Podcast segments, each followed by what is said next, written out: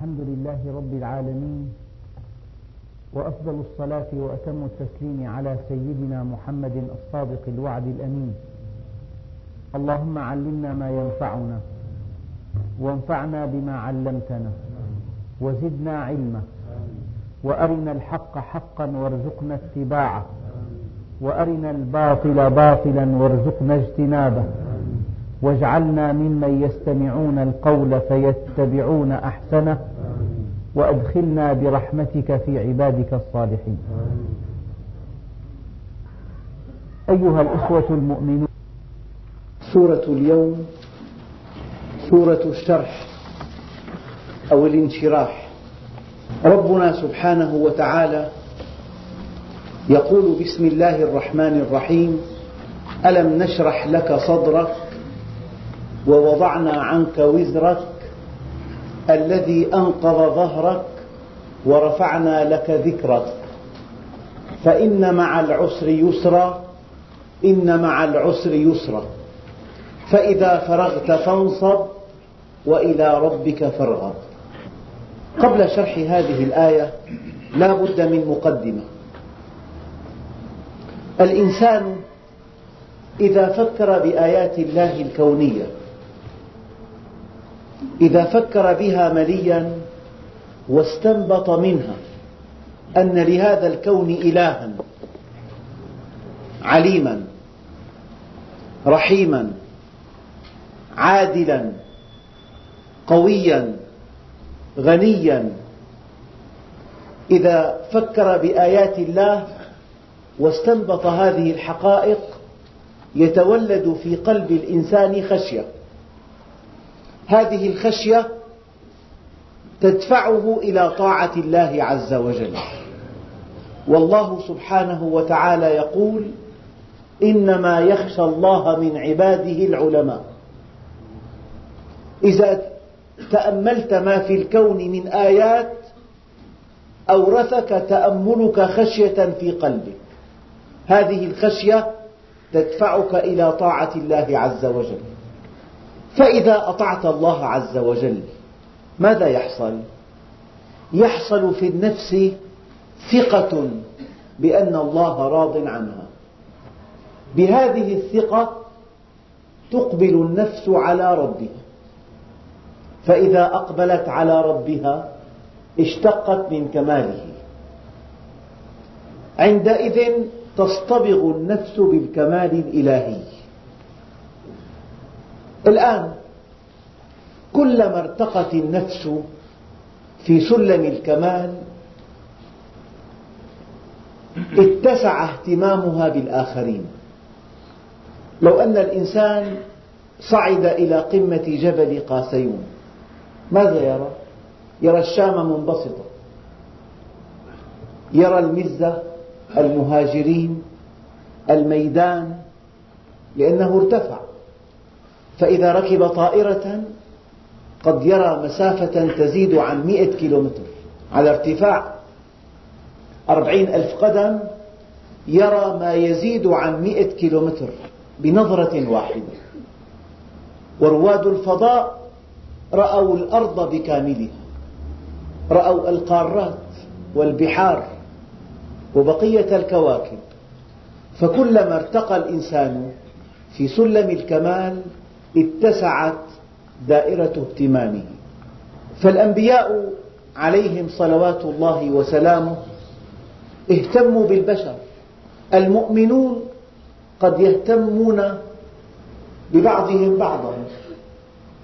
كلما ضعف إيمان المرء تقلصت دائرة اهتمامه غير المؤمن لا تعنيه إلا ذاته. فهذا سؤال دقيق.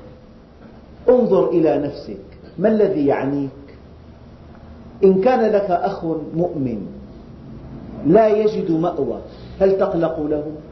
هل تتمنى أن تقدم له كل ما تملك من أجل أن تيسر له عمله؟ النبي عليه الصلاة والسلام لشدة إقباله على الله عز وجل اشتق من الله كمالا يعد قمة الكمال البشري الله سبحانه وتعالى ألقى في قلب الأمهات رحمة.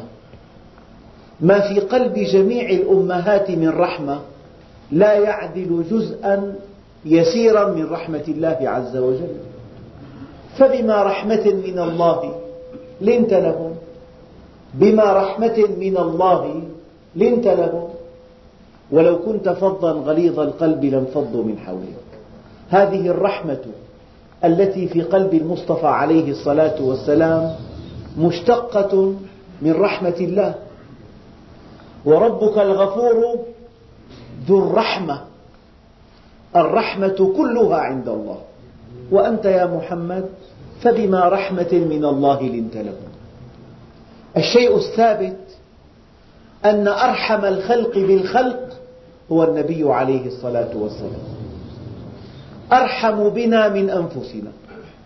لقد جاءكم رسول من أنفسكم عزيز عليه ما عنتم. حريص عليكم بالمؤمنين رؤوف رحيم. سيدنا عمر قال له أبو ذر الغفاري رضي الله عنه يشتكي الناس شدتك فبكى.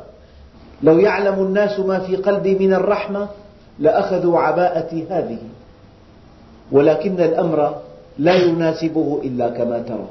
إذا حينما فكر النبي عليه الصلاة والسلام وهو في غار حراء بربه من خلال آيات الكون من خلال الشمس والقمر من خلال الليل والنهار من خلال الحيوان والنبات من خلال خلق الإنسان حينما فكر بآيات ربه تولد في نفسه خشية عظيمة. هذه الخشية حملته على طاعة الله عز وجل. طاعة الله عز وجل ولدت في نفسه ثقة جعلته يقبل على الله عز وجل. بهذا الإقبال العالي اشتق الكمال اللامتناهي. لذلك أكمل البشر المصطفى عليه الصلاة والسلام. وإنك لعلى خلق عظيم. لكماله العالي الذي اشتقه من الله عز وجل تألم على الخلق وقد رآهم في ضياع رآهم في بعد عن الله رآهم في جهالة عمياء رآهم في ضلال مبين رأى قويهم يأكل ضعيفهم رآهم يقترفون الآثام يأتون الفواحش يقطعون الرحم يسيئون الجوار يخونون الأمانة. رآهم في هلاك وفي ضياع وفي شقاء. هذه الرؤية وهذا الكمال هذه الرؤية وهذا الكمال الذي انطوى عليه قلبه الشريف بسبب إقباله على الله بسبب استقامته بسبب خشيته بسبب تفكره بآيات الله جعله يفعم قلبه بالهم والحزن فالنبي عليه الصلاة والسلام بدأ يقلق كيف السبيل إلى هداية البشر؟ كيف السبيل إلى إنقاذهم مما هم فيه؟ كيف السبيل إلى تعريفهم بربهم وهم غافلون؟ كيف السبيل لإيقاظهم؟ ما الطريق لهدايتهم؟ ماذا أعمل؟ ماذا أقول؟ كيف أهديهم؟ إلى أن نزل عليه الوحي حينما نزل عليه الوحي وعرف أنه مكلف بهدايتهم وأن الله سبحانه وتعالى ناصره وأن الله سبحانه وتعالى قد جعله هاديا لهذه الأمة كما قلت لكم في درس سابق امتلأ قلبه فرحا وغبطة حينما رأى أول الطريق. لم يحدث شيء. حينما اقترب أجله وتوعكت صحته وألقى على أصحابه نظرة وهم في الصلاة ابتسم حتى رؤيت نواجذه الشريفة. وقال حكماء علماء كادوا من فقههم أن يكونوا أنبياء. هذا نهاية الطريق. أما حينما جاءه الوحي كان هذا بداية الطريق. انشق الطريق. أضاء بصيص الأمل. عرف مهمته. عرف الطريق إلى الله. عرف الطريق لهدايتهم. فحينما انقطع الوحي وظن أن ربه قد قلاه وأنه قد ودعه وتركه وشمت به الأعداء نزل قوله تعالى والضحى والليل إذا سجى. ما ودعك ربك وما قلى. وللآخرة خير لك من الأولى. ولسوف يعطيك ربك فترضى. قال بعض المفسرين هذه الآية ولسوف يعطيك ربك فترضى. أرجى آية في كتاب الله. ألم يجدك يتيما فآوى. ووجدك ضالا فهدى. ووجدك عائلا فأغنى فأما اليتيم فلا تقهر وأما السائل فلا تنهر وأما بنعمة ربك فحدث. الله أكبر. بسم الله الرحمن الرحيم. ألم نشرح لك صدرك؟ حصل انشراح الصدر. من له مصلحة أو صنعة أحيانا يصبح الطريق أمامه مسدودا تضيق نفسه يغتم. يحس بالضجر. فإذا انفتح له طريق الحل يحس بالراحة. هذا مثل بسيط. النبي عليه الصلاة والسلام حينما أمسكه الله أول الطريق شرح صدره. أما كلمة ألم نشرح لك صدرك شرح الصدر فيه معنى عكسي. معنى ذلك أنه كان متضايقا عليه الصلاة والسلام. ما الذي كان يضايقه؟ الآن جاء دور الموازنة. قل لي ماذا يضايقك؟ أقل لك من أنت. قد يأسف الإنسان على الدنيا. له صغار عند الله. قد يأسف الإنسان على مال فاته. أو على امرأة فاته الزواج منها. أو على بيت سبق إليه. أو على وظيفة لم تتح له. أو على شيء من حطام الدنيا. ما دام الألم والحزن والأسف على الدنيا فهذا شأن معظم البشر. مع أن سيدنا الصديق رضي الله عنه مما أثر عنه أنه ما ندم على شيء فاته من الدنيا قط. ما دام النبي عليه الصلاة والسلام قد شرح صدره ما الذي كان يضايقه؟ ما الذي كان يؤلمه؟ ما الذي كان يحزنه؟ كان يحزنه ضلال البشر. كان يحزنه ضياعهم. كان يحزنه انحرافهم. كان يرى نهايتهم أنهم هلكة أنهم هالكون. كان يرى شقاءهم الذي ينتظرهم. لذلك هذا الذي يحزنه. فأين أنت يا أخي من هذه المشاعر؟ نيرون قال من بعد الطوفان وهناك أشخاص كثيرون إذا تحققت مصالحه.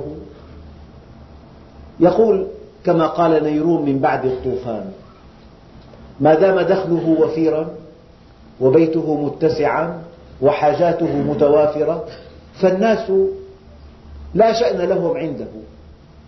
هذه صفات أهل الدنيا هذه صفات المعرضين عن الله عز وجل. لكن المؤمن يعنيه أخاه المؤمن.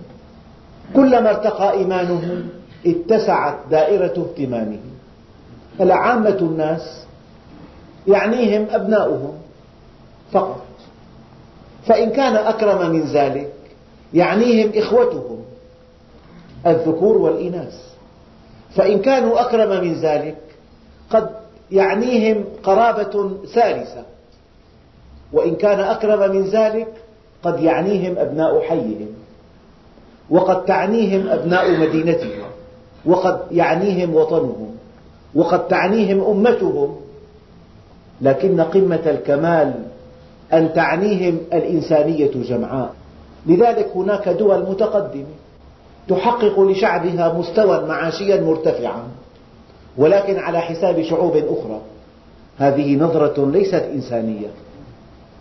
يسببون آلاما لا نهاية لها عند بعض الشعوب ويحققون لأفرادهم مستوى معاشيا رفيعا. هذه نظرة قاصرة. هذه نظرة لا تليق بالإنسان. النبي عليه الصلاة والسلام كانت نظرته إنسانية. طاغة. ما أنزلنا عليك القرآن لتشقى. كان عليه الصلاة والسلام متواصل الأحزان. كان الحزن يغلب عليه. لماذا؟ كيف تريد من أم أن تضحك؟ ولها ابن معذب ولها ابن غريب مسافر ولها ابن ذو عاهة. كيف تريدها أن تكون مسرورة؟ معظم الأمهات إن كان على ابنها امتحان قريب تراها مهمومة أكثر منه. ماذا في قلب الأم من الرحمة؟ في قلب النبي عليه الصلاة والسلام من الرحمة ما لا يصفه الواصفون. لذلك ربنا عز وجل حينما شرح الله صدره للإسلام حينما بين له طريق الهداية أصابه سرور بالغ. فقال له تعالى مسليا إياه وممتنا عليه. ألم نشرح لك صدرك؟ كنت في ضيق. أيام الإنسان يقول له الطبيب والله الحمل غير طبيعي.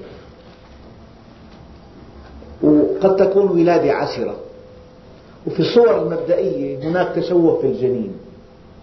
منذ أن قال الطبيب هذه الكلمة كأن الهم بدأ يأكل قلب الزوج. كيف سيكون هذا المولود؟ أيكون مشلولا؟ أيكون مشوها؟ أيفقد بعض حواسه؟ فإذا وضعت الزوجة المولود سليما يحس أن كابوسا قد أزيح عن صدره. يحس أن جبلا كان جاثما على صدره أزيح عن كاهله.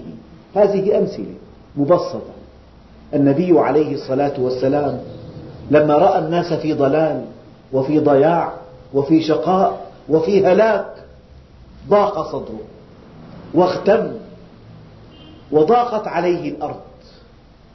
فلما نزل قوله تعالى مسليا إياه وممتنا عليه ومبينا له طريق الهدى.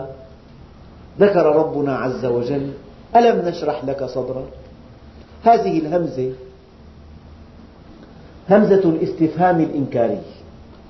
ألم ولم حرف نفي ونفي النفي إثبات. لذلك ألم نشرح لك صدرك؟ معناها لقد شرحنا لك صدرك.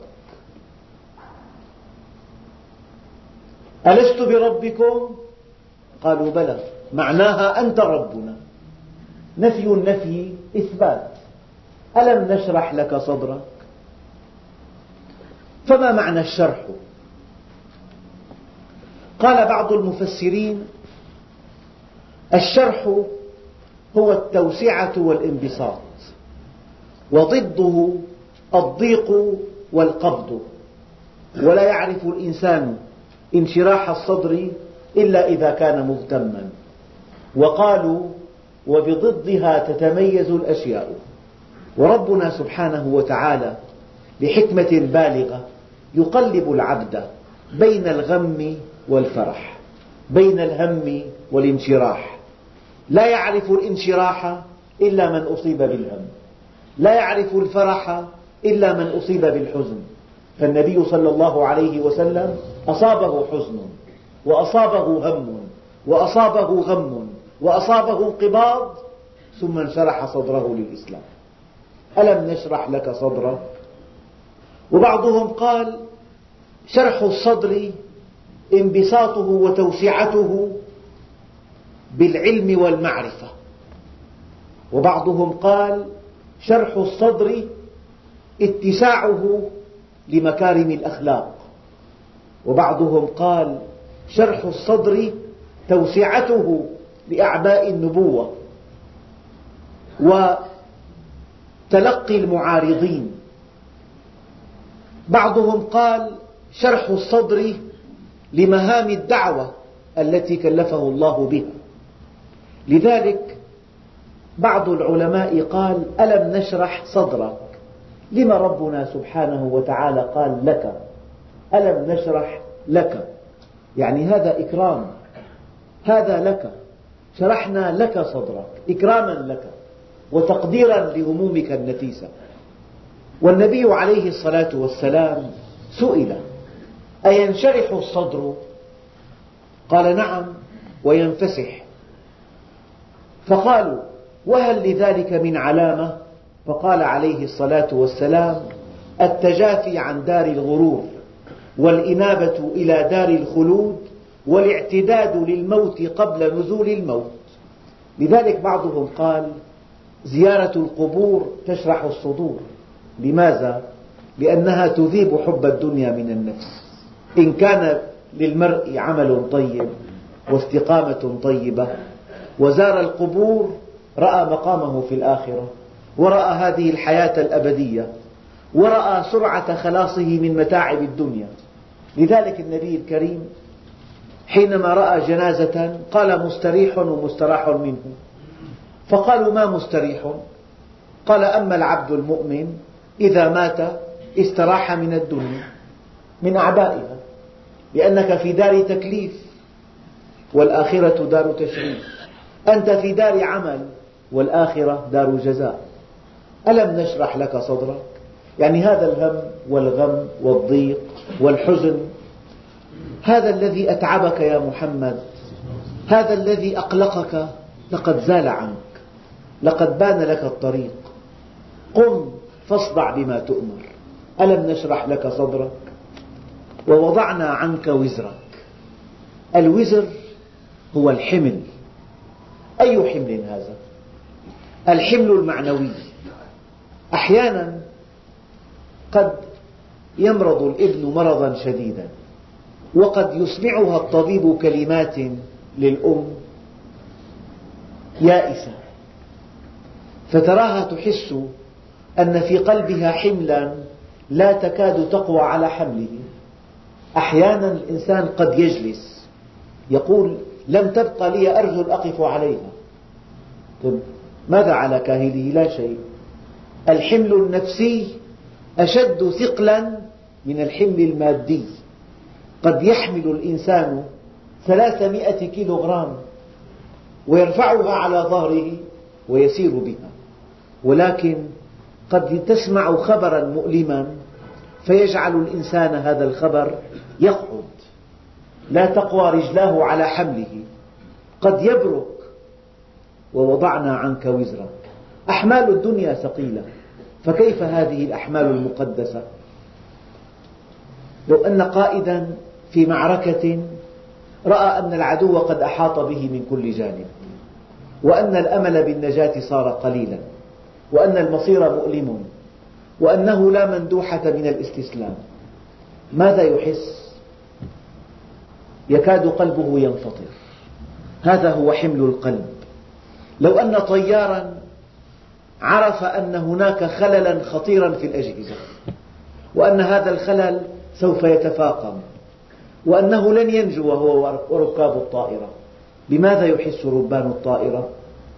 لو أن ربان باخرة شعر أن العواصف تجتاح باخرته وأنها صدعت شقها الأيمن وأن الماء يتسرب إليه. بماذا يحس؟ هذه أحمال النفس قد لا يقوى الإنسان على حملها. لذلك ربنا عز وجل جعل عبء الدعوة وزرا ثقيلا قد ينوء به المرء. لكن الله سبحانه وتعالى أمد نبيه الكريم بطاقة لتحمل هذا العبء. ألم نشرح لك صدرك ووضعنا عنك وزرك؟ أزحناه عن كاهلك بينا لك الطريق. رسمنا لك الهدف. أعناك على هداية القوم. لانت قلوب بعض الناس إليك. سارعوا إلى الإيمان بك. صدقوك. حينما أسري بالنبي عليه الصلاة والسلام. وعاد من الإسراء والمعراج. وبدأ يحدث الناس بما رأى. ارتد كثير من الناس على إثر هذه الأخبار. فلما جاء بعضهم إلى سيدنا أبي بكر رضي الله عنه وقالوا له يزعم صاحبك أنه أسري به إلى القدس وعرج من هناك إلى السماء. فقال هو قال ذلك؟ قالوا نعم. قال إن قال ذلك فقد صدق. صدقناه على خبر السماء. أفلا نصدقه على خبر الأرض؟ النبي صلى الله عليه وسلم من إكرام الله له أنه أحاطه بأصحاب مخلصين في مستوى دعوته. عرفوا قدره عرفوا قيمته عرفوا سموه عرفوا هدفه النبيل. آثروه على أنفسهم فدوه بأموالهم وأبنائهم. قدموا له كل شيء. قدم له سيدنا الصديق ماله كله. قال يا أبا بكر ماذا أبقيت لنفسك؟ قال الله ورسوله. كان أحدهم يدافع عنه يقول صدري دون صدرك نحري دون نحرك. ما هذه التضحية والفداء؟ ما رأيت أحدا يحب أحدا كحب أصحاب محمد محمدا ألم نشرح لك صدرك؟ ويا أخي الكريم اطمئن.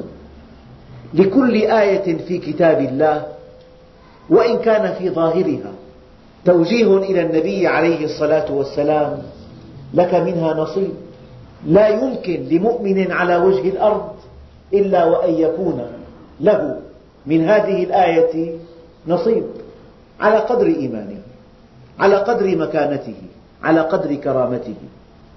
مهما ضاقت بك الدنيا لا بد من أن يشرح الله صدرك مهما حلولكت عليك الخطوب لا بد من أن يشرح الله صدرك.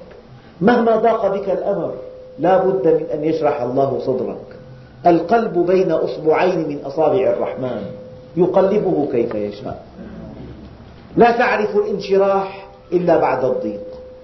ولا تعرف الشبع إلا بعد الجوع ولا تعرف الري إلا بعد العطش.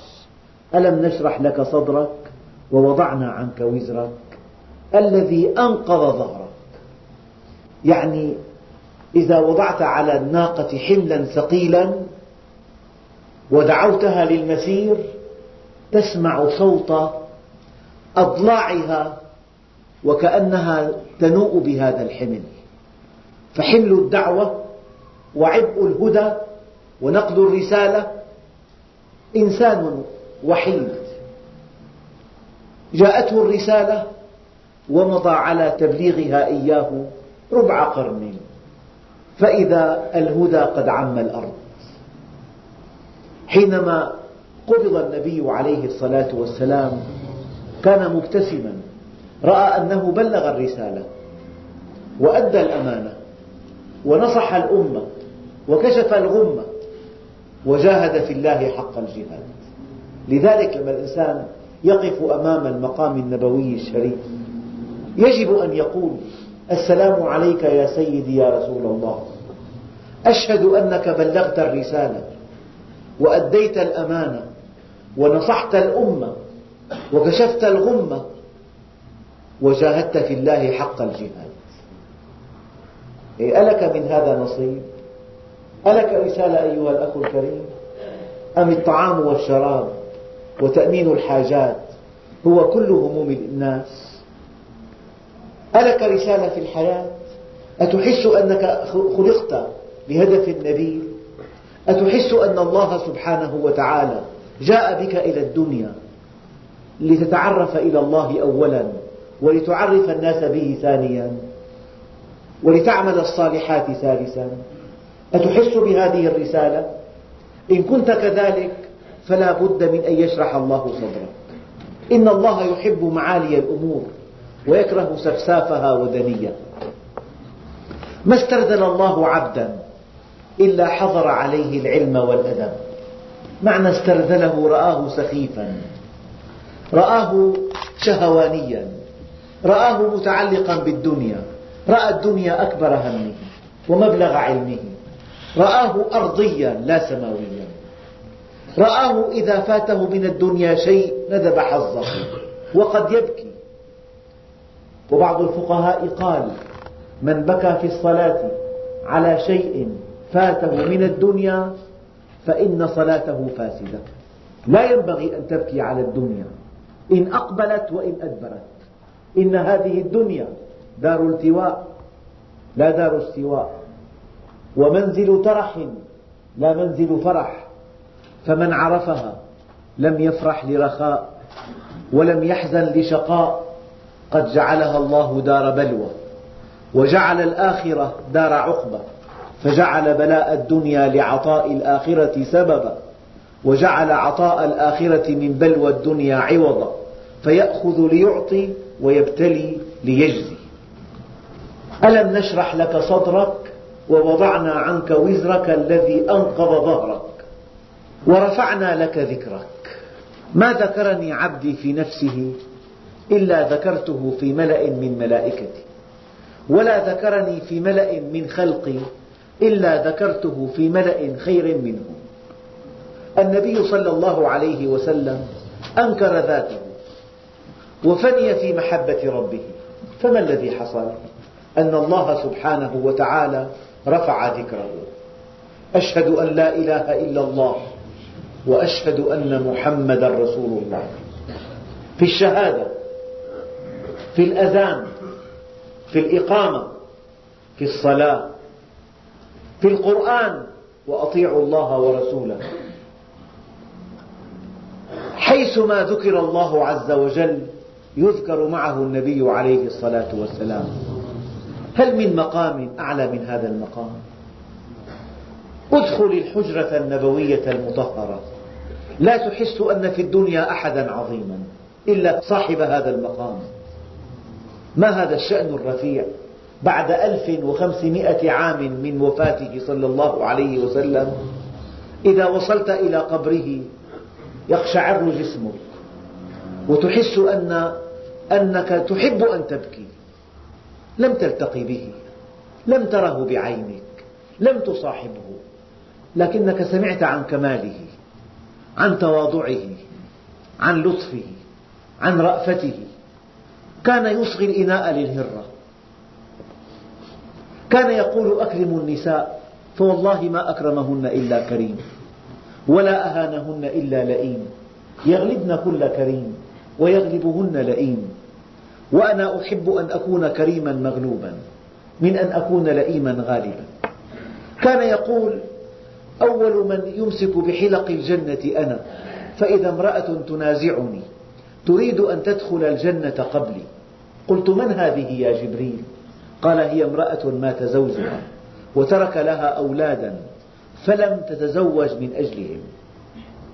كان يعطف على الأرملة واليتيم. كان يجلس جلسة العبد. كانت المرأة الضعيفة تستوقفه في الطريق فتكلمه فيقف معها طويلا يستمع إليها جاءته امرأة قالت يا رسول الله إن زوجي تزوجني وأنا شابة ذات مال وأهل فلما كبرت سني ونثر بطني وتفرق أهلي وذهب مالي. قال أنت علي كظهر أمي. جعلني كأمه. ولي منه أولاد. إن تركتهم إليه ضاعوا. وإن ضممتهم إلي جاعوا. فجعل النبي يبكي. كان في قلبه رقة. فلذلك يعني اسمك يا محمد اقترن مع اسمي. ومعنى رفعنا لك ذكرك. الإنسان له ذكر. رافق إنسان ساعات بحثك بالتجارة هذا ذكره. إنسان بحثك بالبيوت هذا ذكره. المنحط يتحدث لك عن النساء هذا ذكره. يعني كلما التقيت بإنسان له ذكر معين في التجارة في الصناعة في الزراعة في الرحلات في ألوان الطعام في موضوعات كثيرة. أما النبي صلى الله عليه وسلم ترفع عن هذه الموضوعات كلها ورفع الله له ذكره فجعل ذكره مقدسا. كان حديث النبي عليه الصلاة والسلام عن ربه دائما. والذين هم عن اللغو معرضون. كل ما سوى الله لغو. المعنى الأول رفعنا لك ذكرك أي قرنت اسمك مع اسمي يا محمد. والمعنى الثاني جعلنا ذكرك عاليا ساميا. اجلس مع الناس. ماذا يتحدثون؟ ما اجتمع قوم في مجلس لم يذكروا الله فيه إلا قاموا عن أنتن من جيفة. موضوعات تبعث في النفس اليأس والقلق والحسد والغيرة والحقد والضغينة والبغضاء واليأس من رحمة الله. اجلس مع مؤمن يحدثك حديثا آخر. ترتاح له تستبشر تطمئن تفرح. قد تمضي ساعات طويلة لا تحس بالوقت. ورفعنا لك ذكرك. جعلنا ذكرك عاليا. جعلنا حديثك مقدسا. جعلناك تهتم بمعالي الأمور لا بسفاسفها. هذا هو المعنى الثاني. والمعنى الثالث تولى الله البيان عنه وما ينطق عن الهوى. قالوا يا رسول الله إنك تغضب. فإذا كنت غاضبا نأخذ عنك فأمسك النبي عليه الصلاة والسلام بلسانه وقال والذي بعثني بالحق لا ينطق إلا بالحق.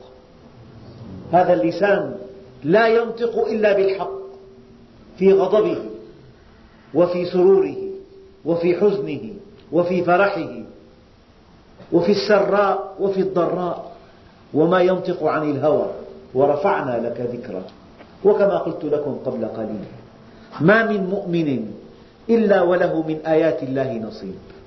مع أن هذه الآية في ظاهرها خاصة برسول الله صلى الله عليه وسلم. ولكنك يا أخي الكريم إذا نسيت ذاتك إذا أنكرت ذاتك من أنت؟ أنت عبد من عباد الله. تحدث عن ربك. عرف الناس به. لا بد من أن يرفع الله لك ذكرك. على قدر إيمانك. على قدر كرامتك على قدر إخلاصك لك من هذه الآية نصيب.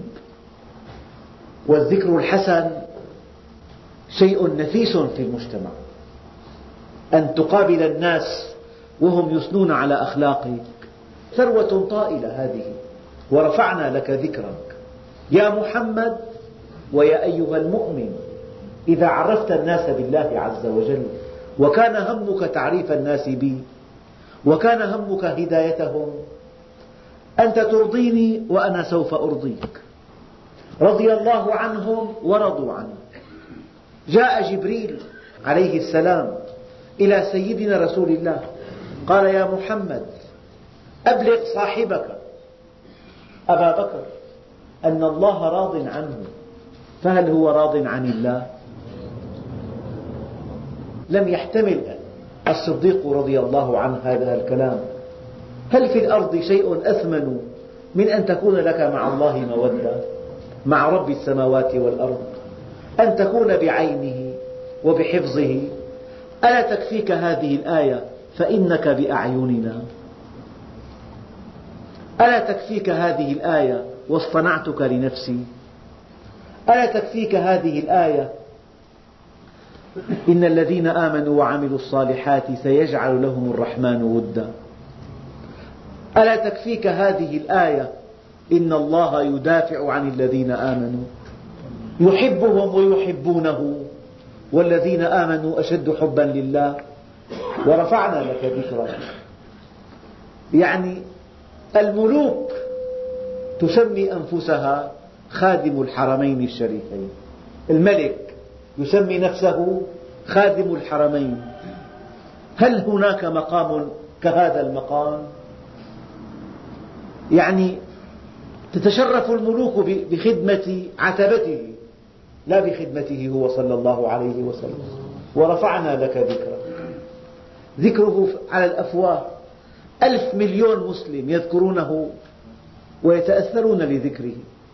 لذلك قال عليه الصلاة والسلام سلوا لي الوسيلة. فإنها مقام لا ينبغي إلا لواحد من خلقه وأرجو أن أكون أنا.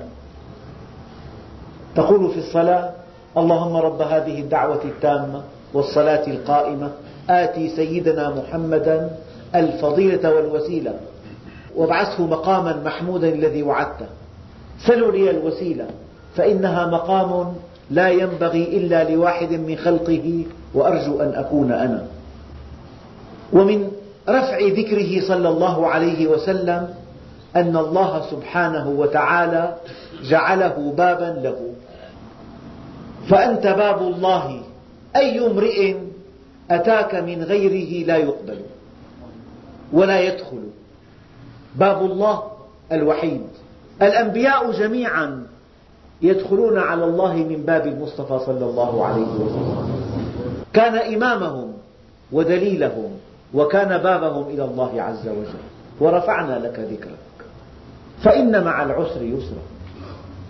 يعني كان يجب أن يقول فإن بعد العسر يسرا. لما ربنا سبحانه وتعالى قال فإن مع العسر يسرا. بحسب المنطق يجب أن يقول فإن بعد العسر يسرا. إن مع. لذلك إن العسر فيه بذور اليسر. قد يكون المرء منحرفا. لا يعي على خير. يأتيه مرض عضال. يتكلم الأطباء بكلام بإلهام الله عز وجل. ما في أمل. الأمل ضعيف جدا. تضيق النفس. تضجر. تيأس. ثم تذكر أن الله سبحانه وتعالى بيده كل شيء. وأن الشفاء بيده. فتلتفت إلى الله عز وجل. فإذا التفتت النفس إلى الله عز وجل أذن الله بالشفاء. فهذا المرض فيه بذور الشفاء. المرض دواء النفس وشفاء للنفس. دواء وشفاء. فالإنسان المؤمن العاقل لو أن الدنيا ضاقت به ليذكر فإن مع العسر يسرا. مع الضيق الفرج مع الفقر الغنى مع المرض الصحة. إن الله سبحانه وتعالى غني عن تعذيبنا. إذا بعث لنا بشيء لمصلحتنا من أجل أن نقبل عليه. وعزتي وجلالي لا أقبض عبدي المؤمن وأنا أحب أن أرحمه إلا ابتليته بكل سيئة كان عملها سقما في جسده أو إقتارا في رزقه أو مصيبة في ماله أو ولده حتى أبلغ منه مثل الذر. فإذا بقي عليه شيء شددت عليه سكرات الموت حتى يلقاني كيوم ولدته أمه. إن مع العسر يسرا. كم من مرض أفضى بالإنسان إلى الهدى؟ كم من مرض عضال؟ رجل منحرف. دعي إلى الصلاة فأبى. دعي إلى الاستقامة فأبى. دعاه جيرانه سنوات طويلة. لم يستجب.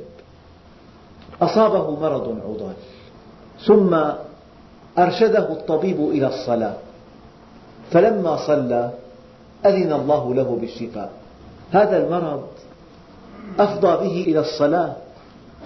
يوم القيامة يرى أنه نعمة عظمى. إن مع العسر يسرا. هي آية عظيمة جدا.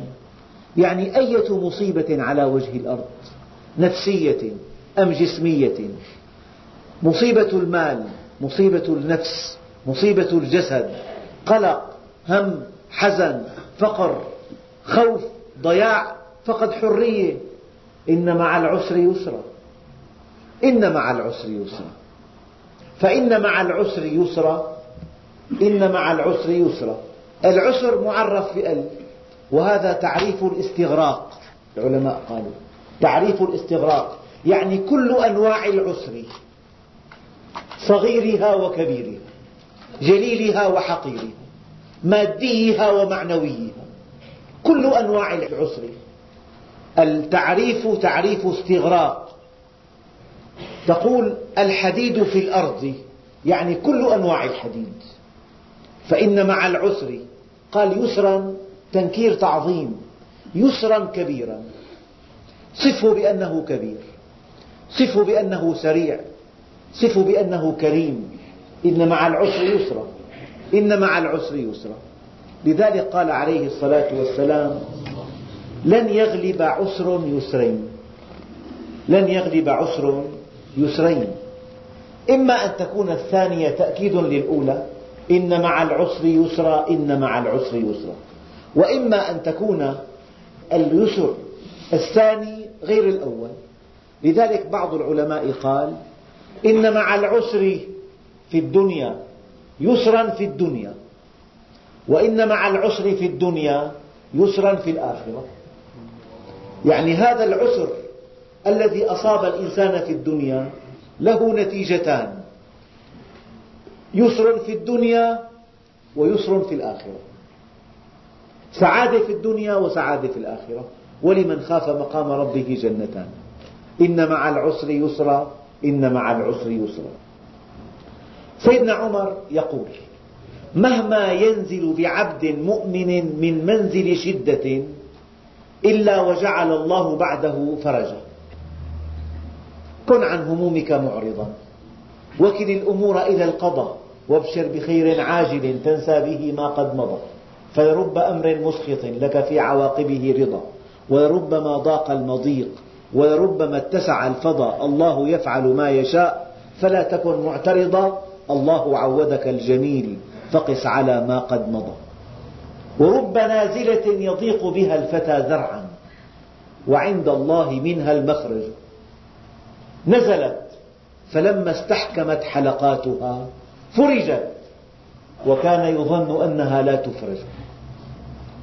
اشتدي أزمة تنفرجي إن مع العسر يسرا. ما من عبد مؤمن أصابه هم أو ضيم أو حزن أو غم. وقرأ هذه الآية إلا شرح الله صدره. إن مع العسر يسرا. إن مع العسر يسرا. أما كلمة مع أبلغ من بعد. أبلغ من إن بعد العسر يسرا. إن مع يعني هذا المرض معه الشفاء وهذا الضيق معه الفرج وهذه المصيبة معها الهدى وهذا الخطر معه التعرف إلى الله عز وجل. لذلك يفرح الإنسان. فرغت فانصب. لهذه الآية ثمانية معاني. أوجه هذه المعاني. إذا فرغت من الدعوة إلى الله فانصب لذكر الله. لماذا؟ لأن هذا الذكر بمثابة الشحن لهذه البطارية. بقدر ما لك بالله صلة ينطلق اللسان. بقدر ما لك إلى الله وجهة يؤثر الإنسان في كلامه. أما الدعاة الذين ينصرفون إلى الناس وصلتهم بالله ضعيفة لا يؤثرون فيهم. فإذا فرغت من الدعوة إليه فانصب قائما للصلاة. اتصل بي اذكرني أقبل علي. من أجل أن تستمد الطاقة مني. من أجل أن تستمد النور. من أجل أن تستمد قوة التحمل. تحمل المعارضين. من أجل أن تستمد الكمال الإنساني حتى يفتن بك أصحابك. إذا فرغت فانصر. هذا المعنى. هذا المعنى للنبي عليه الصلاة والسلام. سيدنا سليمان أحب حب الخير عن ذكر ربه فعاتبه الله عز وجل. سيدنا داود بالعكس. أحب ذكر الله أكثر من العمل الطيب. جاءه ملكان على شكل متخاصمين. قال إن هذا أخي له تسع وتسعون نعجة ولي نعجة واحدة. فقال أكفلنيها وعزني في الخطاب. سيدنا داود له مع الله وجهة عالية. أراد أن يعود إليها سريعا فأسرع في الحكم. قال لقد ظلمك بسؤال نعجتك إلى نعاجه قال له أنا لا أريد أن أخذها منه. أنا أريد أن أرعاها له وأريحه من رعايتها. فظن داود أنما فتناه. فسيدنا داود بيمثل أنه أميل إلى الصلة بالله أكثر من العمل الصالح. سيدنا سليمان غلب عليه عمله الصالح على الصلة. كلاهما عوتب. أما النبي الكريم فإذا فرغت فانصب. فرسان في النهار رهبان في الليل. إذا دعوت الناس إلى الله التفت إليه بقلبك حتى تستمد من الله عز وجل القوة على توضيح المعاني. إذا دعوت الناس إلى الله وفرغت من هذا العمل فانصب متصلا بي حتى تستمد مني قوة الاحتمال. هناك معارضون هناك ضغوط هناك مغريات. إذا فرغت فانصب. وللمؤمن من هذه الآية نصيب. يعني إذا كان حديث عن الله باستمرار وصلة بالله ضعيفة هذا الكلام لا يؤثر في الناس بعد فترة. يضعف سحر الكلام. يضعف الأثر. يصبح كلاما معادا. لكنك إذا كان لك صلة بالله عز وجل وحدثت الناس تفعل فعل السحر. فإذا فرغت فانصب. هذا للنبي الكريم ولكل مؤمن صادق. المعنى الأدنى من ذلك إذا فرغت من الدنيا فانصب لذكر الله. الامتحان خلص يا أخي. كان هامك الامتحان خلص الامتحان. هالمحل أسسته؟ خلص انتهى التأسيس. التفت لله عز وجل. الولادة انتهت والولد سليم ومعافى وما بقى في شيء. قم صلي اقرأ قرآن. فإذا فرغت الحياة كلها مشاغل. المعنى الثاني بيتناسب مع عامة الناس. يعني كل ما في هيك شيء همك في الدنيا إنجاز عمل انتهيت فانصب فإذا فرغت فانصب إما أن تأخذه على المعنى الأول أن تجمع في الدعوة بين التعليم والصلة بالله عز وجل وإما أن تأخذه على المعنى الثاني. في عمل مهم انتهى بعد ذلك ارغب إلى الله عز وجل. وإلى انصب إلى الله وإلى ربك فارغب. هم الأحبة إن جاروا وإن عدلوا فليس لي عنهم معدل وإن عدلوا. والله وإن فتتوا في حبهم كبدي باق على ودهم راض بما فعلوا.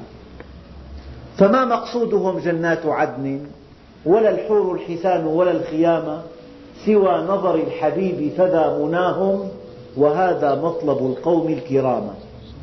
وإلى ربك فارغب. بماذا ترغب يا أخي أنت؟ لو شق على صدر الناس. هذا بصدره في سيارة. بس. بس يستلمها بيكون ملك الجنة. ما استلمها هذا بذهنه يتزوج فقط. بده زوجة تروق له. هذا بده بيت له مواصفات محددة. هذا بده محل تجاري بالشارع الفلاني يكون رائج البيع. بس. فإذا بلغ هذا الشيء انتهت كل مطالبه مسكين. ما دام ما في شيء بالآخرة والله قليل قد ما كثر قليل أنه محدود السنوات. بينتهوا بعدين. فإذا فرغت فانصب وإلى ربك فارغب. ترغب بماذا؟ من كان راغبا في الدنيا تعس وشقي. يعني ملخص الملخص من بدأ بنصيبه من الدنيا فاته نصيبه من الآخرة. ولم يبلغ من الدنيا ما يريد. ومن بدأ بنصيبه من الآخرة أدرك نصيبه من الدنيا ونال من الآخرة ما يريد. يعني من آثر دنياه على آخرته خسرهما معا ومن آثر آخرته على دنياه ربحهما معا. كلام بمنتهى الإيجاز. اطلب الآخرة. والله الذي لا إله إلا هو. سوف تأتيك الدنيا وهي راغمة. المؤمن يسعد في الدنيا أضعاف ما يسعد الكافر بها. تأتيه الدنيا وهي راغمة. اطلب الدنيا. تضيع منك الدنيا والآخرة. ذلك هو الخسار المبين. ذلك هو الشقاء. لذلك فإذا فرغت فانصب وإلى ربك فارغب. شو معنى ارغب إلى الله؟ يعني طيعه أول شيء. الحد تطيعه يعني اقرأ القرآن اتفهمه احضر مجلس علم. لازم يكون مجلس علم أغلى عليك من أي اجتماع من أي سهرة من أي نزهة من أي شيء. شيء مقدس هذا وقت الله عز وجل. فإذا فرغت فانصب وإلى ربك فارغب. فإذا فرغت فانصب وإلى ربك فارغب. الإنسان لازم يرغب بالله عز وجل. فإذا رغب اطلبني تجدني. فإذا وجدتني وجدت كل شيء. وإن فتك فاتك كل شيء. والله أحب إليك من كل شيء. لا تعجز عن ركعتين قبل الشمس أكفك النهار كله. يا ابن آدم خلقت السماوات والأرض ولم أعي بخلقهن. أفيعيني رغيف أسوقه لك كل حين؟ كل هذا هاكل هم رزقك لي عليك فريضة ولك علي رزق. فإذا خالفتني في فريضتي لم أخالفك في رزقي. وعزتي وجلالي إن لم ترضى بما قسمته لك فلأسلطن عليك الدنيا. تركض فيها ركض الوحش في البرية. تلاقي مثل الضايعين من الساعة ستة تليفونات للساعة 12 بالليل. ورسائل والبضاعة وصلت وسلمتوها وبعنا واشترينا وحاسبنا. فجأة معه جاء ملك الموت ألهاكم التكاثر حتى زرتم المقابر. لذلك وعزتي وجلالي إن لم ترض بما قسمته لك فلأسلطن عليك الدنيا تركض فيها ركض الوحش في البرية. ثم لا ينالك منها إلا ما قسمته لك ولا أبالي. والحمد لله رب العالمين.